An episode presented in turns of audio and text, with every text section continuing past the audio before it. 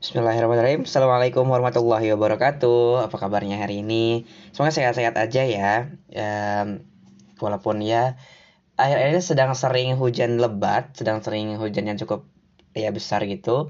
Tapi semoga kita diberi kesehatan Diberi kemudahan untuk bisa uh, Taat kepada Allah subhanahu wa ta'ala Dan menjalankan amanah sebagai uh, Khalifah dunia gitu ya. Dan salawat dan salam semoga juga tetap tercurah limpahkan kepada junjungan kita Nabi besar Nabi agung Nabi Muhammad Shallallahu Alaihi Wasallam kepada keluarganya, sahabatnya, para tabi'in tabi'atnya dan semoga sampai pula kepada kita selaku umatnya yang insya Allah taat dan patuh pada ajarannya hingga akhir zaman. Amin amin Allah ya rabbal alamin. Nah, berhubung kita sudah lama tidak rilis episode podcast baru, hari ini aku akan cerita tentang self love dan LGBT.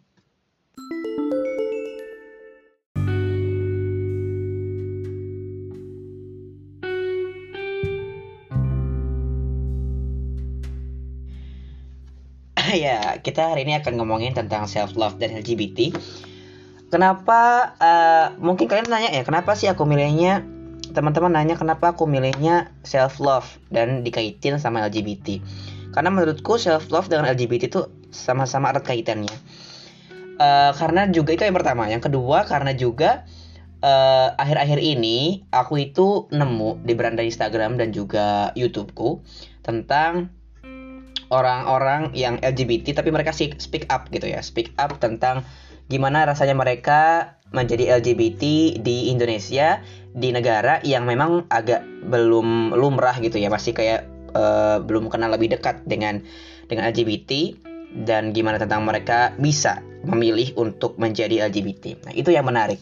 Nah, sebelum kita ngomong lebih dalam, aku pengen kayak um, kasih apa ya pengertian yang ya receh-receh lah ya menurutku tentang tentang LGBT sendiri dan juga uh, eh, self love. Kita dari self love dulu ya. Kalau self love itu menurutku adalah tentang bagaimana kita paham tentang diri kita sehingga kita bisa mengambil sikap yang tepat buat diri kita sendiri gitu ya beda dengan egois ya tapi self love itu kita lebih ke ngerti gitu loh kita akan seperti apa kita akan jadi bagaimana dengan kita paham apa yang kita punya dan apa yang kita nggak punya dalam diri kita. Itu menurutku tentang self love menurutku ya menurutku. Nah kemudian tentang LGBT sendiri. LGBT itu kan tentang orang-orang yang katakanlah punya perbedaan memilih untuk yang normalnya gitu ya. Cowok suka dengan cewek cewek suka dengan cowok tapi mereka tidak tidak tidak seperti itu gitu ya. Ada yang lesbian L itu mereka adalah sejenis cowok eh cewek dengan cewek yang suka sejenis. Uh, G G nya itu guy itu adalah cowok suka sama cowok tau lah ya udah udah sering dengar kali. LGB bisex itu mereka yang suka misalnya cowok nih tapi dia suka cewek juga suka cowok juga gitu. Nggak apa dibilangnya kayak ke sana kemari ayo gitu ya. Itu LGB T T itu transgender. Mereka yang memutuskan untuk berpindah gitu ya. Dari uh, seharusnya dia misalnya cowok berubah jadi cewek transpuan atau trans trans pria gitu ya. Itu adalah masuk ke trans gitu ya. Atau juga ada sebenarnya ada LGBTQ Q. Itu adalah queer. Queer itu adalah mereka orang-orang di lingkungan LGBT yang memilih untuk tidak masuk ke cowok tidak juga masuk ke cewek. Jadi mereka itu genderless, jadi gak punya gender. Namanya itu queer dalam dalam uh, komunitas mereka gitu ya. Nah, apa erat kaitannya LGBT sama self love gitu kan? Kok dihubung-hubungin gitu kan? Ketika aku nonton video itu, dua video sebenarnya cuma dua video, tapi aku dapat insight yang keren banget. Itu masya Allah ya. Um, self love it's important. Self love itu penting tapi mereka itu self love tapi mereka uh, mengambil jalur lain yang menurutku itu bukan self love menurutku bukan self love dengan LGBT gitu kan? Nah kalau ditilik-tilik aku kan cuma lihat orang-orang transpuan. Transpuan itu cowok uh, berpenampilan seperti cewek gitu ya. Punya rambut panjang uh, dan berpakaian selayaknya wanita itu transpuan. Nah mereka itu berangkat dari permasalahan yang sama seperti aku mereka uh, yang memilih jadi transpuan yang aku tonton videonya mereka itu kebanyakan adalah lelaki yang memang uh, katakanlah agak feminim gitu ya lelaki tapi kok nggak nggak punya sesuatu yang um, cowok-cowok pada umumnya punya gitu ya. Misalnya aku pribadi dan mereka sama Min, sama nih. Kenapa cowok-cowok yang lain suka main sepak bola, gue enggak gitu kan? Kenapa cowok-cowok yang lain suka untuk uh, apa ya kalau coba cowok-cowok dulu apa ya nonton Ultraman gitu ya atau nonton Power Ranger. Kenapa gue enggak? Kalau aku masih suka sih tapi gak seintensif mereka. Kenapa cowok-cowok suka banget main layangan? Kenapa aku enggak? Seperti seperti kayak gitu. Dan sejumlah pertanyaan-pertanyaan lain. Atau mungkin kayak misalnya cowok itu dari kecil udah dididik cowok itu gak boleh nangis. Cowok itu harus kuat. Tapi di sisi lain ada beberapa bagian kecil dari cowok-cowok di seluruh dunia. Ada cowok-cowok itu yang tidak merasa seperti layaknya cowok-cowok dengan tanda kutip ya dengan tanda kutip. Jadi mereka tidak ngerasa nggak punya hal-hal yang cowok-cowok lain punya. Ya kayak tadi gak bisa main bola uh, agak agak cengeng gitu ya. Kenapa lebih suka seni lebih suka waktu kecil lebih suka masak-masakan dibanding dengan uh, bermain dengan sesuatu yang berbau kelaki-lakian gitu kan. Itu menjadi keanehan. Di mana? Di masyarakat. Karena sebenarnya kan uh, paradigma seperti itu, dogma seperti itu kan yang bikinnya juga orang-orang kita juga ya, masyarakat-masyarakat juga. Kalau aku perhatiin, kita itu selama ini diperangkap sama standar-standar yang dibuat uh, bukan berdasarkan siapa yang punya kita. Kalau boleh aku jelasin, kita itu kan sama-sama diciptakan dari yang maha pencipta ya Tuhan Allah Subhanahu Wa Taala gitu ya. Allah itu um, sudah menciptakan segalanya dengan masya Allah keren luar biasa. Masya Allah keren luar biasa. Dan ibaratnya kayak gini. Kita tuh punya handphone atau teman-teman hari ini dengar podcast ini dengan handphone atau mungkin dengan laptop apa pun itu pasti ada yang namanya manual book. Buku petunjuk buku uh, petunjuk penggunaan gitu ya. Kalau misalnya ada masalah lihatnya ke situ dong. Sama handphone yang katakanlah kita lihat itu adalah hal yang rumit begitu punya buku panduan kita itu nggak ternilai loh harganya. Kita itu nggak ada nggak ada apa ya nggak ada harga nggak ada bukan nggak ada harganya ya tapi nggak ada nilai yang pantas untuk memberi nilai kepada kita saking mahalnya kita gitu loh. Tapi mungkin kalian bertanya kalau misalnya kita semahal itu se setinggi itu nilai kita kita pun harusnya punya buku panduan karena handphone pun yang harganya paling murah 1,5, 1,2 atau mungkin 900 ribuan atau paling mahal sekian juta, 20 juta gitu ya. Punya buku panduan, tapi mungkin kita mungkin bertanya-tanya saat ini kita gitu ya manusia yang nilainya lebih tinggi, yang harganya masya Allah tinggi banget, buku panduannya apa? Nah, jawabannya mungkin agak klise ya kalau kalian dengar ini. Jawabannya adalah Al-Quran dan Al-Hadis. Di mana semua permasalahan, semua lika-liku yang kita hadapi itu ada di sana. Itu ada uh, di lembaran-lembaran musaf dan juga eh, hadis-hadis uh, yang disampaikan Rasulullah. Nah, ini kan ibaratnya buku panduan. Buku panduan itu kadang-kadang kan gak semua orang baca langsung paham ya kan? Gak semua orang baca langsung oh ini isinya seperti ini. Oh, ini sepertinya seperti ini. Enggak sama juga ibaratnya buku panduan itu adalah kurikulumnya gitu ya. Sebuah kurikulum itu gak akan berjalan tanpa adanya guru. Sebuah kurikulum gak akan berjalan tanpa adanya guru. Nah, gurunya siapa dong ketika mereka uh, ketika supaya kita itu tahu standar-standar yang diciptakan lewat buku panduan ini. Ya, gurunya yang jelas ya yang diutus sama Tuhannya, sama yang bikin sama Allah Subhanahu wa taala, ya Rasulullah Shallallahu alaihi wasallam dia adalah beliau adalah sebaik-baiknya guru. Beliau adalah sebaik-baiknya seseorang yang mengajarkan sesuatu. Karena uh, Nabi Muhammad itu bukan cuma sekedar orang yang ngasih tahu, oh kamu harus seperti ini, harus seperti itu, bukan. Lah ya, ya beliau itu kan spesial ya. Semua perlakuannya itu sangat benar-benar berdasarkan Allah gitu ya, gitu. Nah. Nah, terus apa erat kaitannya standar di sini?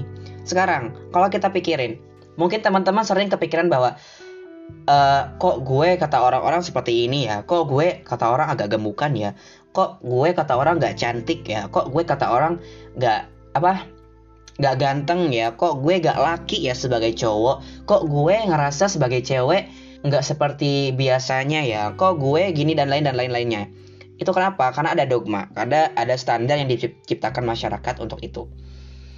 Nah, di sini sebenarnya kita sudah terperangkap dengan standar-standar yang salah menurutku. Standar-standar yang tidak katakanlah salah lah ya. E, mau bilang apa lagi soalnya itu kata yang paling tepat salah gitu ya. Kenapa? Karena ya toh mereka bukan yang bikin kita gitu kan. Toh bukan mereka yang ngasih makan kita. Toh bukan mereka yang memberi kita sesuatu yang kita butuhkan. Bukan. Sekali lagi, mereka yang berbicara tentang diri kita saat ini adalah mereka yang tidak memberikan impact sama sekali kepada kita. Tidak memberikan uh, dampak sama sekali kepada kita. Yang bikin kita ngasih impact itu adalah kita sendiri. Mereka ngomong jelek, kita konsumsinya itu jadi jelek, akhirnya jadi negatif dan kita jadi murung tapi kalau misalnya mereka coba bicara sesuatu yang jelek, kita terima sebagai positif dan dianggap sebagai angin lalu, itu akan biasa-biasa aja. Nah itu dia. Jadi standar-standar itu bikin kita mudeng gitu ya. Bikin kita tuh ngerasa bahwa insecure mulu jadi orang gitu kan. Karena ya namanya juga manusia ya. Selalu melihat apa yang dia nggak punya. Bahkan bukan cuma ke dirinya sendiri tapi juga ke orang lain. Nah kita salah satu mungkin kita adalah satu dari sekian banyak orang-orang yang mengalami itu ih kamu kok jerawatan ya sekarang ih kamu kok jadi cowok agak-agak mulai ya ih kamu kok jadi cowok gak doyan main bola sih? Ih kok kamu jadi cewek gak ada gak suka kayak gini sih? Biasanya kayak gitu. Nah kalau kita mau ngikutin standar yang seperti ini kita tuh akan kecapean kita akan kewalahan kita akan ngerasa bahwa nggak ada habis-habisnya gitu ini standar gitu kan. Kalau kata kita udah nih udah sampai di taraf ini.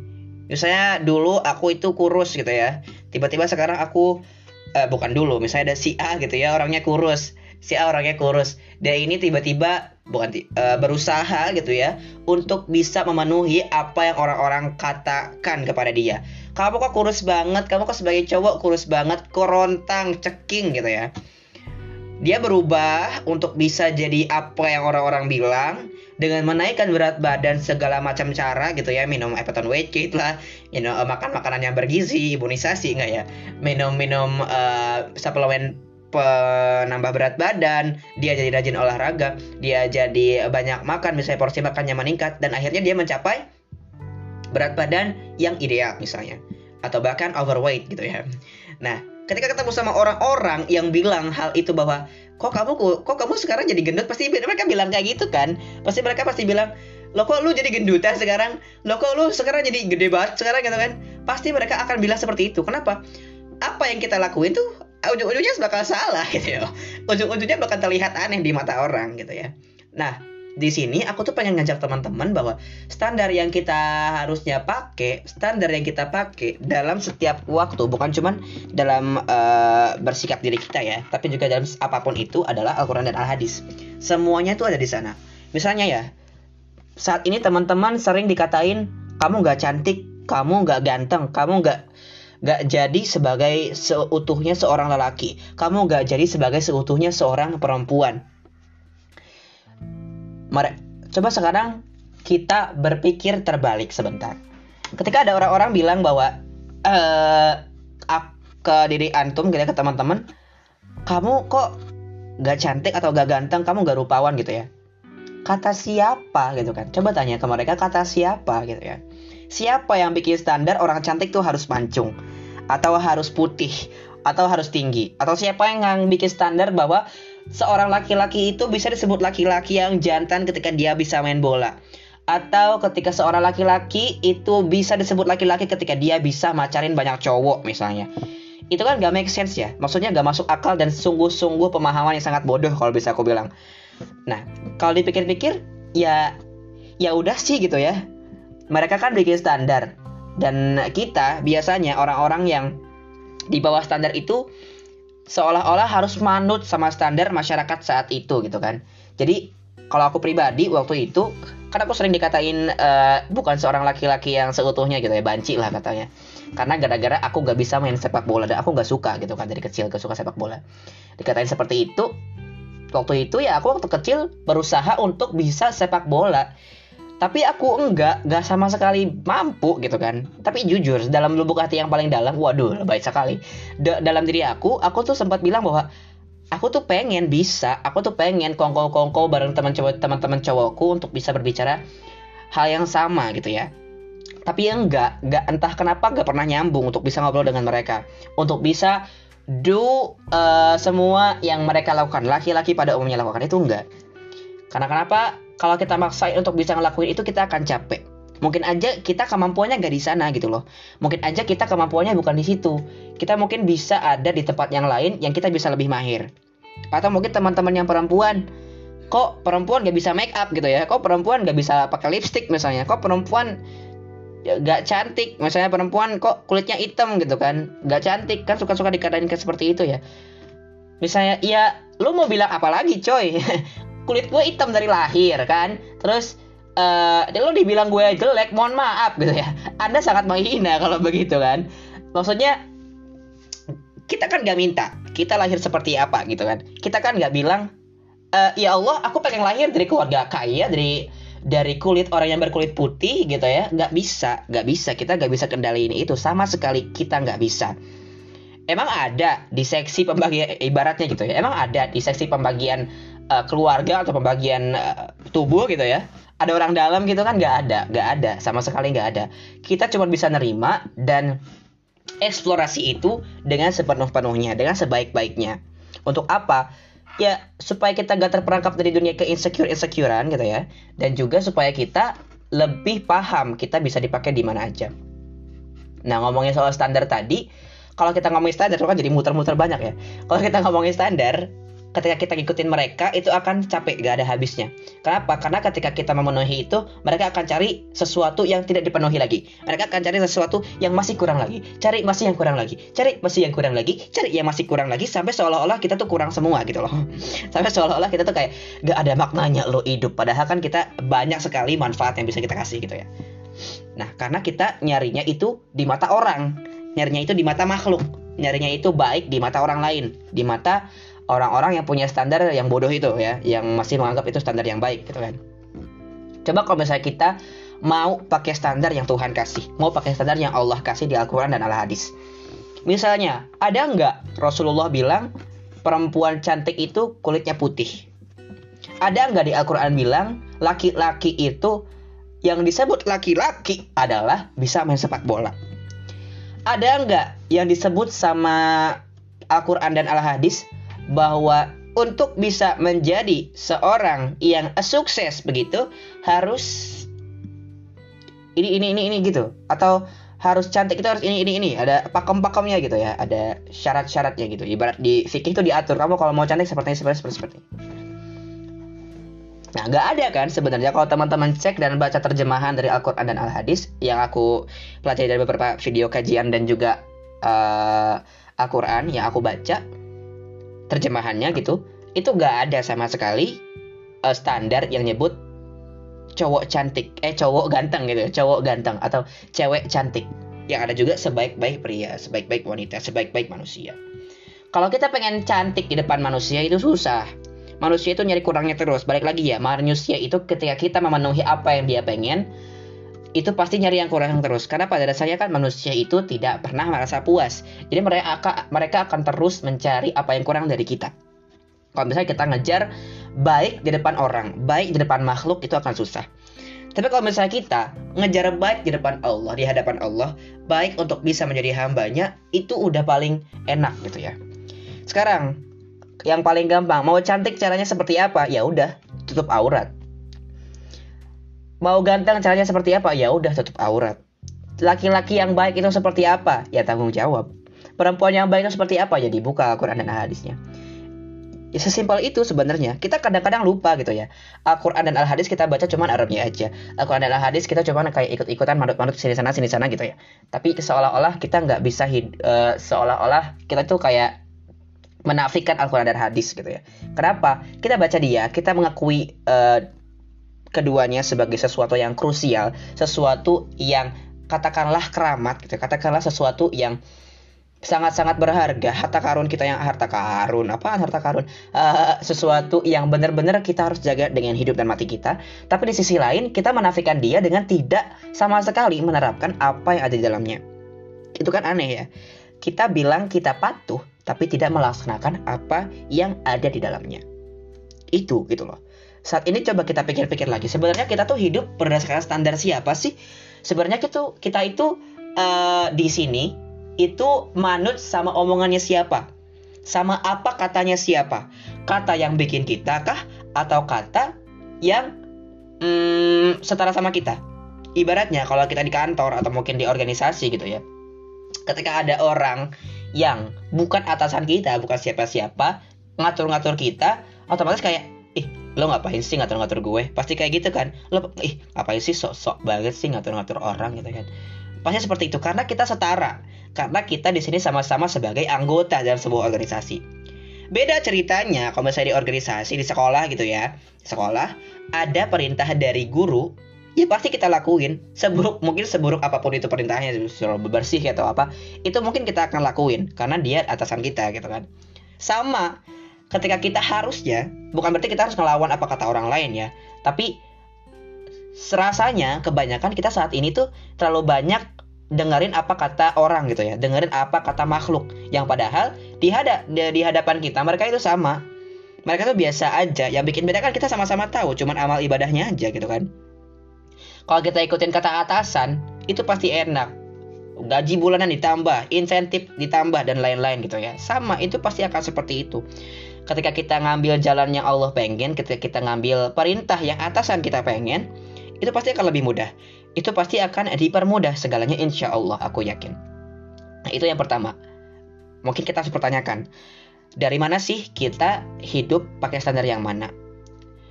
Nah, itu adalah bagian dari self love. Kenapa? Ketika kita mencintai diri kita, kita itu akan senantiasa tadi ya paham dengan apa yang kita lakukan sehingga kita bisa nyaman dengan diri kita sendiri. Nah, kita dapat nyaman dan paham itu dengan apa? Dengan baca Al-Qur'an, dengan baca tafsirnya bahwa oh iya, aku tuh harus memperlakukan diriku sendiri itu seperti apa. Aku tuh harus memperlakukan diriku sendiri itu seperti apa untuk memenuhi untuk mendapatkan ridhonya Allah Subhanahu wa taala. Nah, itu tentang self love dan standarnya itu sendiri.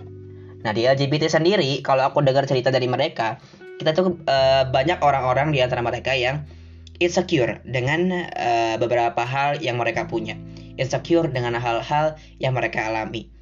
Seperti yang aku tadi ceritain bahwa yang aku tonton gitu ya, seorang influencer itu influencer udah keren banget gitu ya, influencer uh, seorang fashion designer, dia juga uh, keren parah gitulah pokoknya.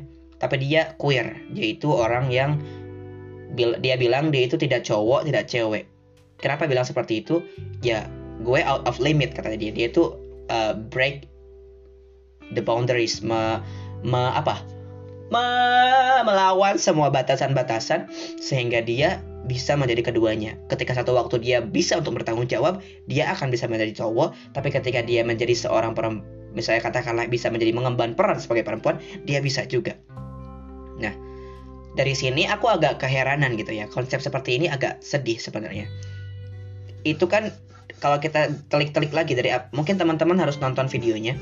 Nanti aku mungkin aku kasih link di Spotify-nya atau di Anchor-nya ya. Di sini teman-teman ketika dengar I break the boundaries I break the limit. Aku melampaui batasku aku melampaui semua aku melebihi semua yang yang yang dibuat sama orang-orang di sininya benar bahwa iya cantik ganteng uh, kelaki-lakian kejantanan kepriaan uh, kewanitaan atau mungkin ke apa ya sifat-sifat wanita sifat-sifat laki itu kan standarnya dibuat sama masyarakat Iya, aku mengakui itu sebagai orang yang punya penderitaan yang sama gitu ya. Aku mengakui itu rasanya memang mereka membuat itu seolah-olah standar yang mereka buat untuk masyarakat di sana. Tapi di sisi lain ada sesuatu yang keliru di sini. Bahwa teman-teman bahwa beliau bahwa dia yang berbicara tentang queer ini uh, dia bilang I break the limit. I break the boundaries. Aku menca aku me, ya tadi me, melawan batas gitu ya. Itu kan gak bisa. Keluar dari fitrah ya kalau antum mau jadi cowok ya cowok aja. Kalau mau antum jadi cewek ya cewek aja. Kalau antum gak bisa nerima semuanya mati aja. Kenapa? Ya hidup itu tentang menerima. Gak semua hal itu bisa manis dengan mudah. Gak semua hal itu dengan pahit dengan mudah. Dan apa ya? Um, aku ceritain dulu. Jadi si dia ini agak sama seperti aku bahwa dia mengalami hal yang sama. Dia nggak bisa main bola dia nggak bisa ngelakuin sesuatu yang cowok-cowok banyak lakuin. Dia itu. Dan kemudian dia sampai ada di satu titik dia sadar bahwa dia itu berbeda. Bahwa dia itu nggak sama dengan cowok-cowok lain. Bahwa dia itu um, rasanya dengan tanda kutip aneh gitu ya. Kenapa gue sebagai cowok nggak bisa ngelakuin apa yang cowok lakuin? Mungkin pertanyaannya seperti itu. Dan sama seperti yang aku tanyakan ketika aku uh, mulai sadar dengan itu. Kenapa gue nggak bisa ngelakuin semua yang cowok-cowok bisa ya? Kenapa gue nggak bisa main bola ya? Kenapa gue um, bisa jadi kayak gini ya? Nah sampai satu waktu dia itu ngerasa dia pindah ke Jakarta untuk kuliah. Sebelumnya ketika dia di tempat dia tinggal dulu dia itu selalu dapat caci maki selalu dapat um, cer ya caci maki kata-kata gitu lah. Kata-kata yang buruk tentang lelaki yang kemayu lelaki yang feminin gitu ya. Lelaki yang feminin. Ya dikatain inilah dia dikatain itulah. Dan sampai akhirnya dia kuliah. Ketika kuliah dia itu agak kaget karena orang-orang di Jakarta dia kuliah di Jakarta itu sangat-sangat welcome, sangat-sangat bisa menerima dengan apa yang dia alami saat ini. Maksudnya orang-orang Jakarta tuh bisa banget untuk bilang bahwa you are okay with this gitu. Kamu tuh oke-oke aja dengan kamu menjadi diri kamu laki-laki yang feminin. Mereka sama sekali nggak nggak protes, mereka sama sekali nggak ngata-ngatain berbeda sekali kontras dengan masyarakat di tempat dia tinggal zaman dulu. Sampai satu waktu dia berpikir bahwa sampai kapan sih gue harus bohongin diri gue bahwa gue itu nggak seperti ini. Katanya seperti itu kan. Dia akhirnya memikirkan, oke, okay, aku harus bisa untuk show off diri aku sendiri untuk menunjukkan diri aku sendiri bagaimana aku bisa menjadi diriku. Katanya seperti itu dan dia mengikuti kata hatinya dengan apa? Dengan dia keluar rumah pakai high heels, boots uh, warna merah dan berjalan di banyak orang gitu ya, banyak orang. Tapi sebelum itu dia tuh kayak berkali-kali bercermin, berkali-kali bilang, ini lo lo serius mau kayak gini, lo serius mau uh, start di sini, mau mulai di sini. Sampai akhirnya dia bilang, oke, okay, gue pasti bisa. Gue pasti bisa ngelakuin apa yang gue mau. Gue pasti bisa ngelakuin apa yang kata hati gue pengen. So I will do that. Dia keluar apartemennya. Dia jalan dengan heels boots merah merah pula ya. Dan semua orang ngeliatin dia yang ngeliatin dia seketika jadi pusat perhatian. Nah kan pada posisi itu orang tua mereka orang tua dia itu nggak tahu bahwa dia do something like that gitu ya uh, pakai high heels. Kan agak nggak lumrah ya cowok pakai high heels gitu kan. Nah sampai ternyata ada neti bukan netizen ya masyarakat di sana yang foto sosok dia ini menggunakan high heels. Sampailah ke keluarganya mm, menyampaikan bahwa ini kaget dong. Lu ini serius lo gitu kan. Lo pakai high heels keluar rumah. Lo, kan cowok gitu kan. Ya udah. Sampai akhirnya dia memutuskan oke okay, mah. Dia mamahnya yang telepon mah um, gue eh aku gitu. Masuk ke mama gue yang gue. Bisa aja sih. Mah aku seperti ini ya. This is my choice. This is my ini pilihanku. So ya gak apa-apa. I will do that dan ini adalah rasanya aku saat ini gitu kan. Ketika nelpon ditelepon sama bapaknya bapaknya bilang e, bapak rasanya gagal mendidik anak laki-laki gitu kan. Aduh ada notif. Mendidik anak laki-laki. Katanya ngerasa gagal bahwa bapaknya itu ngerasa gagal ketika tahu anak laki-lakinya pakai high heels boots warna merah seketika si cowok ini masih cowok ya waktu itu si cowok dia ngerasa oke okay, itu kalimat yang paling yang paling paling apa ya paling bikin gue sedih katanya kayak gitu ya iyalah gimana bayangin teman-teman ada orang di luar sana eh, orang tua gitu orang tua kita dia melihat tingkah laku kita dia bilang bahwa gue gagal nggak jadi lo kayaknya gitu kayak oke okay. oh oh my god oh my god apa yang gue lakuin gitu kan. Pasti seperti itu kan. Sampai one time dia mikir sejenak dia diam dia bilang uh, bapak gak gagal untuk ngegedein aku pokoknya gitulah. Tapi ini adalah pilihan aku gitu ya. Ya udah it's okay. Kita akan jalan ini bareng-bareng. Nah memang katanya semuanya itu ngejalanin ini memang gak mudah gitu ya di lingkungan keluarga mungkin agak sulit menerimanya tapi perlahan mereka bisa ikhlas gitu ya. Dan uh, sampai akhirnya dia memutuskan jadi queer. Satu hal yang jadi um, sorotan aku ketika itu dia tuh bilang kamu tuh harus benar-benar cintai diri kamu sendiri sebagaimana apa diri kamu itu gitu kan. Ya udah gitu aja sebenarnya.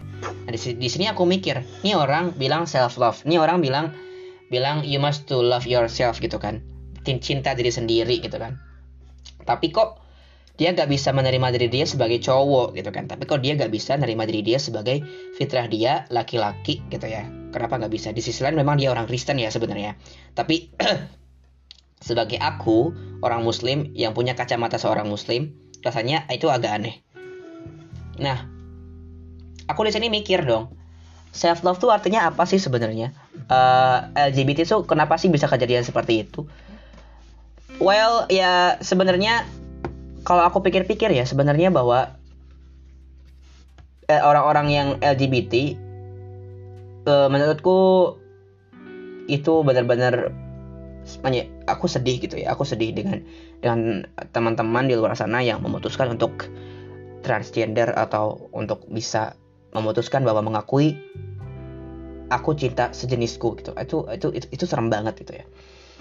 Rasanya uh, oh ya Allah. Itu kayak duh break mau merusak merusak harapan sekali. Bukan bukan merusak harapan kayak itu bikin aku ngerasa sedih dengan semua itu yang terjadi. Kenapa?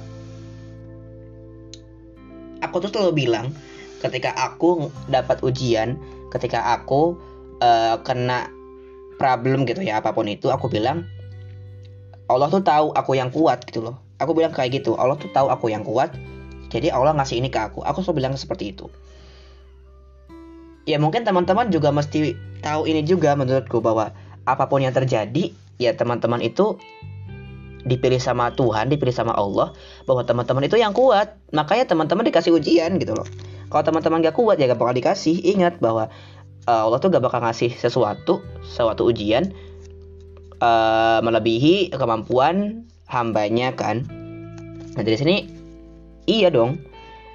Ke Allah tuh gak mungkin nyiksa kita. Sama sekali gak mungkin nyiksa kita kecuali kalau kita bikin salah. Itu baru kita baru Allah siksa kan. Itu pun di akhirat kan. Bisa juga sih di dunia. Nah dari sini aku rasa teman-teman di sini uh, orang-orang yang ancelup gitu ya terjun memutuskan untuk masuk ke dunia LGBT lupa bahwa konsep self love itu menerima dirinya sendiri. Iya setelah dia jadi trans setia, setelah dia jadi bukan dirinya yang sejak lahir dia bisa menerima itu semua. Dia bisa jadi uh, orang yang kata dia self love tapi buat aku itu adalah self love yang kurang perfect ya self love kan menerima dirinya sendiri. Misalnya aku pribadi aku pribadi aku kan menemukan kesamaan dengan dia yang mengalami trans. Bedanya nauzubillah min aku nggak trans. Nggak sampai trans nauzubillah. Di sisi lain aku pernah loh kepikiran waktu kecil bahwa kayaknya aku better jadi cewek deh. Kayaknya aku lebih baik jadi cewek soalnya aku kayaknya lebih banyak sifat kecewean daripada kecowokan. Dan aku sempat berpikiran bahwa lu kayaknya jadi cowok payah banget sih. Lu kayaknya jadi cowok jelek banget sih kok gak bisa ngapa-ngapain? Kok gak bisa do something same with all the men outside gitu kan? Gak bisa ngelakuin hal-hal yang sama dengan cowok-cowok yang lain gitu kan? Insecure-nya tuh kayak gitu karena seperti itu. Karena kita nggak nggak punya hal yang sama dengan cowok-cowok. Dan dia pun seperti itu. Si yang aku ceritain influencer ini dia tuh seperti itu ngerasa bahwa kenapa gue gak terakhir sama ya? Nah sampai di titik yang sama kalau aku itu berpikir sama kita sama ya aku sama dia tuh berpikirnya sama. Apa yang aku punya dan aku nggak punya dan kenapa aku beda itu adalah aku sebuah keunikan. Aku adalah sebuah perbedaan yang orang-orang nggak punya gitu kan? Yang orang-orang nggak sama seperti aku gitu kan? Dia juga berpikir sama.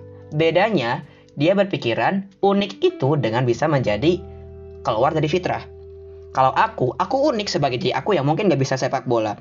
Aku unik mungkin dengan diri aku yang mungkin tidak bisa uh, melakukan apa yang cowok-cowok lain dilakukan gitu ya. Misalnya ya tadi gitu kan main layangan dan lain-lain. Itu kan masa kecil ya jadi gak begitu penting. Jadi aku pikir ya is oke okay. toh itu kan gak begitu jadi masalah gitu kan. Bedanya aku ngambil aku memutuskan untuk oke okay, I will stay with this karena aku adalah sebagai cowok di sini di sini gitu ya kan? Karena Allah nggak suka orang-orang yang yang melampaui batas kan? Allah nggak suka orang-orang yang melampaui batas. Dia dan memang orang Kristen juga liberal jadi dia memutuskan untuk jadi trans jadi queer bilang dia jadi queer. Itu yang pertama. Karena mungkin pemahaman tentang fitrah manusia itu beda-beda. Kita yang muslim tuh harus harus lebih paham.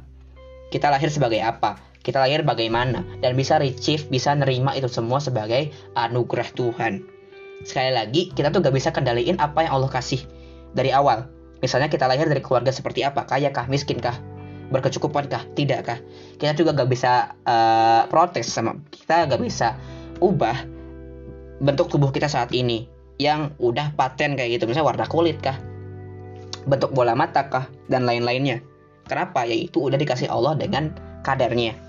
Itu udah seperti itu. Yang bisa kita ubah adalah um, sikap kita ketika kita menerima itu semua Mau jadi pahala, ia terima, bersyukur, bersabar. Mau jadi dosa, ngeluh, ngeluh, ngeluh, ngeluh, ngeluh, ngeluh aja terus.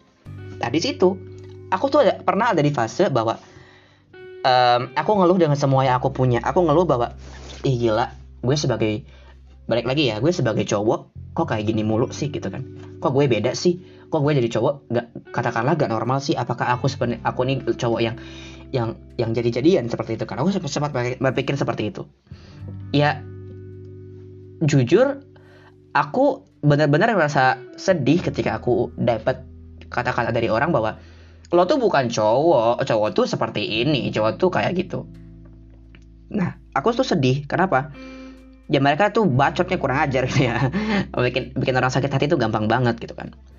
Nah, sampai satu titik SMP apa SMA gitu ya, SMA kelas 10 gitu ya. Saat ini kan aku sudah alhamdulillah sudah bisa menerima diri aku sendiri. Insya Allah aku berpikir kamu iya mungkin kamu kurang. Karena kamu manusia kan gitu kan. Mungkin kamu kurang karena kamu manusia. Tapi di sisi lain lihat dong. Kamu itu dulu dari kelas 1 sampai SMP kelas 3 itu kamu nggak pernah tuh masuk uh, di luar dari tiga besar terus kamu juga kan pernah jadi ketua osis di mana orang-orang tuh gak bisa loh jadi kayak gitu Terus ya mungkin kamu gak bisa main sepak bola sih, tapi kan kamu bisa nyanyi. Dan juga kamu bisa ngomong. Aku tuh ketika aku ngerasa insecure waktu itu, aku keluarin apa yang aku menurutku itu sebuah kelebihan gitu ya. Oh iya ya, sampai aku mikir, oh iya ya, aku itu lebih daripada sebuah kekurangan. Aku itu lebih daripada uh, bukan sebuah ya, sekumpulan kekurangan yang menumpuk pada tubuhku. Aku tuh lebih daripada itu. Di sisi lain, ada kelebihan-kelebihan lain yang yang sama-sama numpuk dalam diri aku. Dan teman-teman pun pasti kayak gitu. Teman-teman tuh lebih dari sekedar kekurangan yang menumpuk dalam teman-teman. Dan teman-teman tuh juga pasti punya deh kelebihan yang sama-sama numpuk gitu loh. Yang sama-sama lebih, yang sama-sama bisa dipakai, yang sama-sama bisa untuk uh, lebih bisa dikembangkan dibanding dengan fokus untuk bisa ngilangin kekurangan. Gitu. Itu yang sangat menyedihkan. Buat aku sampai aku sadar oke okay, aku harus keluar dari semua keinsecurean ini dari semua rasa bersalah bahwa dilahirkan seperti ini yang padahal aku nggak bisa um, ngubah bahwa aku terlahir seperti ini ya udah. Aku berjalan aku ngelakuin sesuai apa yang aku pengen. Maksudnya sesuai apa yang aku miliki saat ini ya udah. It's okay to not be okay. Gak apa-apa untuk jadi gak, gak apa-apa gitu kan. Gak apa-apa untuk jadi sesuatu yang gak sempurna karena toh manusia gak ada yang sempurna. Teman-teman yang LGBT di sini menurutku adalah teman-teman yang maaf ya mungkin tidak mendapatkan uh, bimbingan tentang fitrah gitu ya. Apalagi mungkin orang-orang nonis gitu ya. Sangat disayangkan. Um, kenapa? Ya tadi. Mungkin saat ini mereka bahagia dengan jadi trans dengan jadi queer gitu ya. Tapi rasanya teman-teman berarti tidak memaksimalkan teman-teman LGBT tidak memaksimalkan apa yang Tuhan kasih sebenarnya dari awal gitu dan teman-temannya LGBT di sini kan pasti berangkat dari masalah dong. Sama seperti aku yang berangkat dari masalah mengalami toxic masculinity yang mengalami um, perendahan di bagian maskulinitas gitu ya. Orang-orang maskulin itu seperti apa? Nah aku tuh berbeda jadi dikatain gak maskulin. Itu toxic masculinity. Itu sama mereka juga ngalamin yang sama. Yang harus kita sikapi adalah bahwa kita itu punya benteng kita tuh punya batas. Dan kita jangan sampai untuk melawan batas itu yang udah Allah ciptain. Bukan kita yang ciptain. Kalau batas yang kita ciptain kita bisa break the the limit. Bisa break the boundaries. Bisa kalau itu adalah batas yang kita ciptain. Tapi kalau misalnya batas itu ciptakan sama Tuhan kita jangan sampai untuk melewati batas itu. Kalau kita lewatin batas dari Tuhan murka Tuhan murka Allah akan datang that's it. Jadi yang pengen aku sampaikan teman-teman mungkin saat ini ngerasa aku gak cantik aku gak ganteng aku gak aku gak perfect. Ya memang antum gak perfect gitu kan. Mau gimana lagi? Cuma urusan cantik atau enggak ya kamu mau cantik di, di hadapan siapa? Di hadapan makhluk atau di hadapan Tuhan?